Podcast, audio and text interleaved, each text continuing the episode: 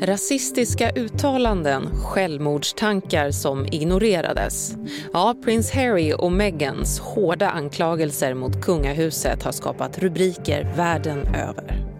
Concerns and conversations about how dark his skin might be when he's born. So hold up, hold up. So were you thinking of harming yourself? Were you having suicidal thoughts? Yes, this was very, very clear. På en kvart berättar vi om hur skadeskjutet Buckingham Palace blivit av de senaste dagarnas turbulens och om varför den brittiska monarkin har större problem än en skandalintervju. Det är torsdag den 11 mars. Jag heter Karin Bülow Orje och det här är dagens story från Svenska Dagbladet.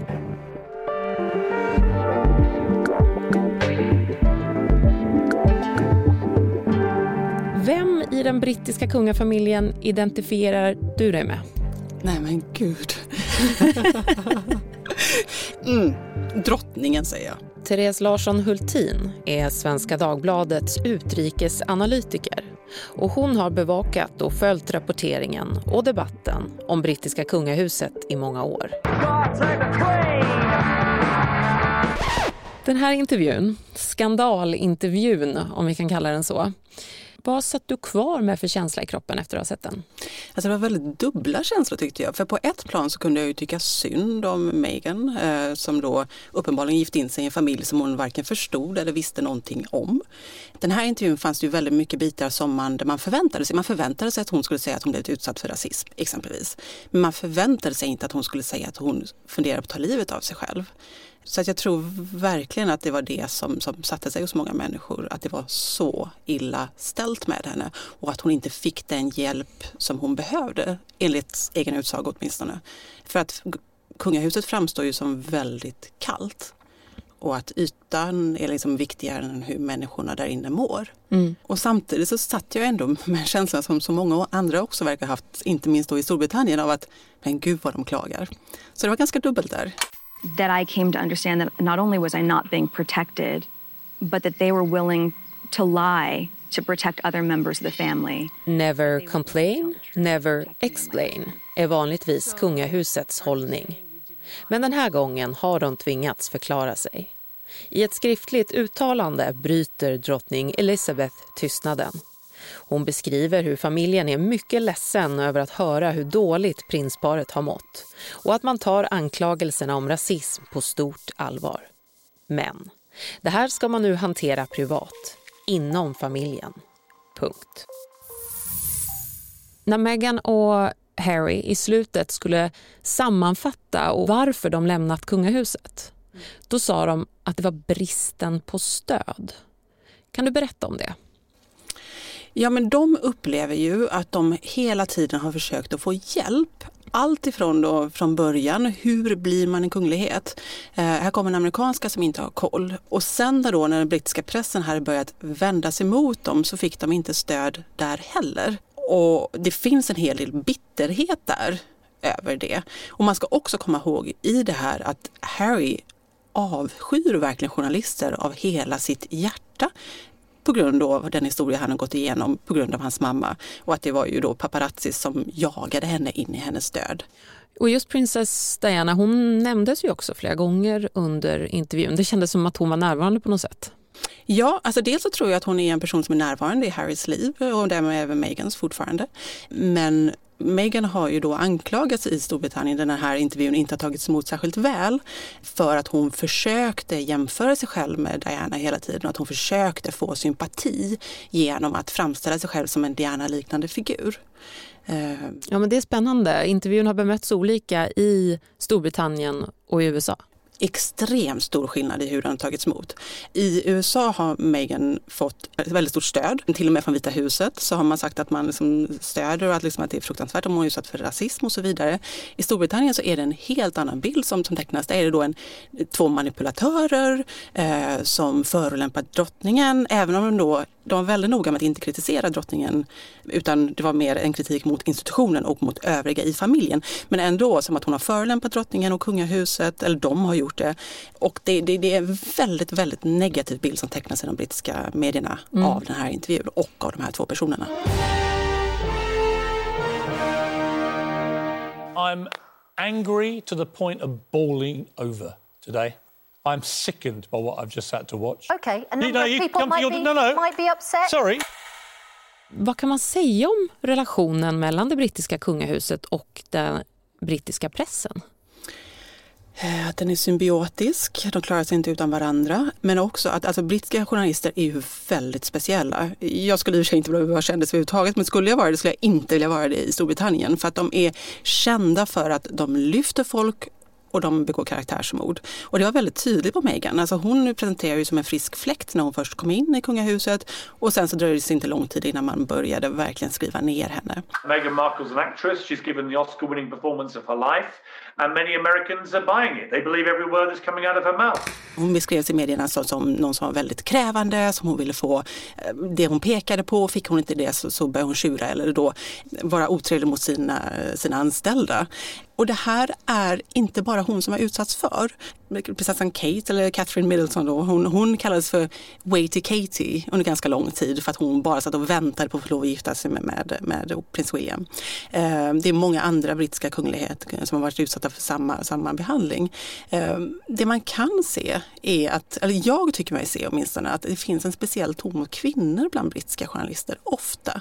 Det gäller även eh, Boris Johnsons eh, fästmö, eh, Carrie Simmons, som beskrivs som en Lady Macbeth-liknande typ som är väldigt manipulativ och som styr allt som händer i Downing Street. Johnson har ingenting själv att säga till om utan det är hon som bestämmer vilka som ska anställas och så vidare enligt de brittiska journalisterna. Är det ett narrativ som återkommer, den här kvinnan som kommer in och domderar och förstör? Ja, men det gör det. Eh, och på Meghan har man då dessutom det faktum att hon är den första då personen med, med eh, en svart mamma och en vit pappa i det brittiska kungahuset. Så då har man ju den aspekten på det hela också. Och intervjun splittrar folket. Närmare hälften av britterna anser att paret har behandlats orättvist och lika många anser att behandlingen av dem är fine. Det är de unga vuxna som främst stöttar prinsparet medan 65-plussare är på kungahusets sida. Men under intervjun poängterar prinsparet att drottningen personligen inte behandlat dem illa. De är noga med att skilja på henne och på kungahuset som institution. I've never blindsided my grandmother. I have too much respect for her. Men när det gäller prins Charles, Harrys pappa, är de inte lika blida i sin kritik. Nej, han är väl den stora förloraren i den här intervjun. Inte minst då för att han vägrar prata med sin son när, när då sonen går igenom något sånt här otroligt tungt i sitt privatliv. Hans, jag tittar upp popularitetssiffror här nu nyligen. 13 procent av britterna säger att de liksom gillar prins Charles, han är deras favoritkunglighet. Och det är ju inte jättemånga. Drottningen liksom ligger någonstans på närmare 40 tror jag. Prins William ligger också där uppe någonstans och hans fru. Och Charles som då ska bli en kung efter drottningen ligger så långt ner. Och jag tror att väldigt många gärna hade hoppat över Charles om det hade gått. Och tyvärr är det väl någonting som också det, det har känts, alltså det är ju någonting som har kommunicerats länge. Charles har ju vuxit upp med känslan av att det inte riktigt duger och nu kommer vi väl så, då får vi gå in på The Crown, den här tv-serien som ju inte är en dokumentär men som ändå har en viss botten av, av, av sanning. Som skildrar kungafamiljen under, under decennier. Ja precis, som börjar med drottning Elizabeth när hon är ung. Eh, och där framgår det ju att Charles inte haft det så lätt. Han har ju vuxit upp i en familj där man inte visar några känslor och han har ju också haft det väldigt tufft i sin uppväxt. Präglas folks syn av det brittiska kungahuset mycket av The Crown skulle du säga? Ja, just nu gör det ju det, absolut. Mm. Det här är ju en serie som är en av de mest tittade, streamade någonsin. Är det därför det intresset har varit så stort för den här Meghan Harry-intervjun också tror du? Ja, ja, ja. Det, det, det, och inte minst i USA. För att vi är ju många nu som tycker att vi känner dem trots att vi inte gör det. Men att mm. man fått sånt inblick i det här. Men 13 procent, det mäter sig ju inte med drottningens popularitet alls. Hur stort problem är det för det brittiska kungahuset? Ja, men det kommer ju bli en otrolig kris den dagen drottningen dör. Hon fyller 95 snart så att det är liksom inom några år rimligen. Eh, och då ska en då väldigt impopulär person som uppfattas som kall ta över och försöka vara den här enande figuren. Man ska ju komma ihåg att det är inte bara Storbritannien som Charles kommer att vara kung för utan det är ju det brittiska samväldet. En enormt massa länder.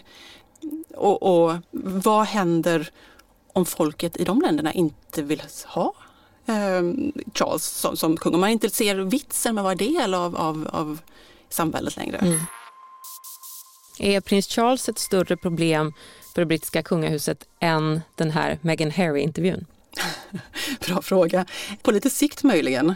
Eh, och jag tror att hade man bara kunnat hoppa över honom och gå direkt till William som ju då är populär med en ung eh, vacker familj så hade ju brittiska kungahuset suttit väldigt mycket säkrare. Det brittiska kungahuset har gått från att styra över ett världsvälde till att ha successivt mindre och mindre makt under drottning Elizabeths tid som regent. Det kommer ofta kritik om att tiden, trots det, stått still i Buckingham Palace, Windsor och de andra slotten. Att kungafamiljen inte utvecklats med sin tid. Den här intervjun har gett nytt liv till den debatten och frågan är om det brittiska kungahuset kan fortsätta vara denna slutna institution även framöver. Ja och nej. Det funkar just nu. Drottningen är extremt populär. Eh, monarkin är populär. Frågan är ju hur man ska gå framåt. Och det finns ju det här motsatsparet egentligen, att blir man för modern, så varför ska de då stå över oss andra? Blir de för folkliga? Varför ska vi betala för dem? Det, är, man, det gäller ju att hålla och det tror jag är det som, som kungahuset tampas med just nu. Det tror jag kungahuset över hela Europa gör. Liksom, hur är man modern men samtidigt något speciellt? Det, det finns ju också ett behov bland många eh, höll på att säga undersåtar kanske man inte, eh, men bland många medborgare liksom att, att det ska vara en samlande kraft, något som man ser upp till, något som finns där och enar landet. Och, och den rollen har ju det brittiska kungahuset väldigt mycket över hela det brittiska samväldet. Three cheers for her majesty the queen! Head, head! Head, head! Har den här intervjun skadat det? Absolut. Absolut, definitivt den har framställt det brittiska kungahuset, eller familjen ska man väl säga, som, som extremt kall och då rasistisk och en, en familj som bryr sig om makten och själva symboliken mer än människorna som ingår i den. Jag tror att de har verkligen svårt nu för vad de, hur de ska hantera det här. You were trapped? Yeah, I didn't see a way out. But you'd had this life your whole life. This has been your life your whole life. Yeah, but you know, I was trapped but I didn't know I was trapped. Mm. Om vi ska runda av då, det faktum att Meghan och Harry har valt att lämna sin roll inom det brittiska kungahuset. Kan det ge ringar på vattnet? Kommer vi få se fler såna här dropouts? Eh, nej, det tror jag inte. För att det finns inga andra som är tillräckligt centrala som skulle spela någon roll. Vem bryr sig om Beatrice eller Eugenie som ju då Andrews döttrar lämnar? Det är, liksom, det är ingen som bryr sig. Och sannolikheten att William och, och Kate skulle göra det är, ju extremt låg. Utan frågan är ju snarare hur kommer Meghan och Harry agera efter det här? Mm, hur kommer det att bli då? Hur kommer de agera? Nej, de kan väl inte rimligen hålla sådana här intervjuer titt som tätt, jag har svårt att se. Eh, men samtidigt så har ju de ett behov av att kunna försörja sig framöver. Precis, för de, de får ingen ekonomisk eh, hjälp ifrån kungahuset Nej, framöver. inte alls. Inte Nej. alls. När de valde att lämna och inte längre ville då vara arbetande kungligheter, som det heter, så försvann även både säkerheten, vilket då Harry klagade sig, beklagade sig över, och, eh, och den, de fick ju pengar av Charles och av drottningen. Mm. De pengarna försvann. Hur ska de försörja sig då? Eh, de har sålt, eh, de har kontrakt med både Netflix och Spotify. De ska göra podcast, har redan börjat göra podcast. Och ska, de har ett produktionsbolag, de ska, de ska dra in pengar den vägen. Så det här är inte det sista vi hörde från Meghan och Harry? Absolut inte, inte, inte som personer. Liksom. Och det är just det de anklagas för Storbritannien, att de gör det här enbart för att, att bygga sina egna varumärken och att få uppmärksamhet för att kunna liksom försörja sig. Det är en hård dom över den här intervjun. Absolut, fast det är ett hårt medieklimat i Storbritannien. Thank you both for trusting me to share your story. Thank you for giving us the space to do it. Yeah, thank you. Tack, Therese Larsson Hultin. Och efterspelet till den här intervjun lär ju fortsätta. Bland annat har Labourledaren Starmer krävt att rasismanklagelserna mot kungahuset utreds. Håll koll på svd.se för senaste nytt. Vi som gjorde programmet idag var producent Daniel Persson Mora, redaktör Maria Gelmini och jag heter Karin Bylov Orje. Dagens story från Svenska Dagbladet ger dig djup och perspektiv på de viktigaste nyhetshändelserna. 15 minuter varje vardag.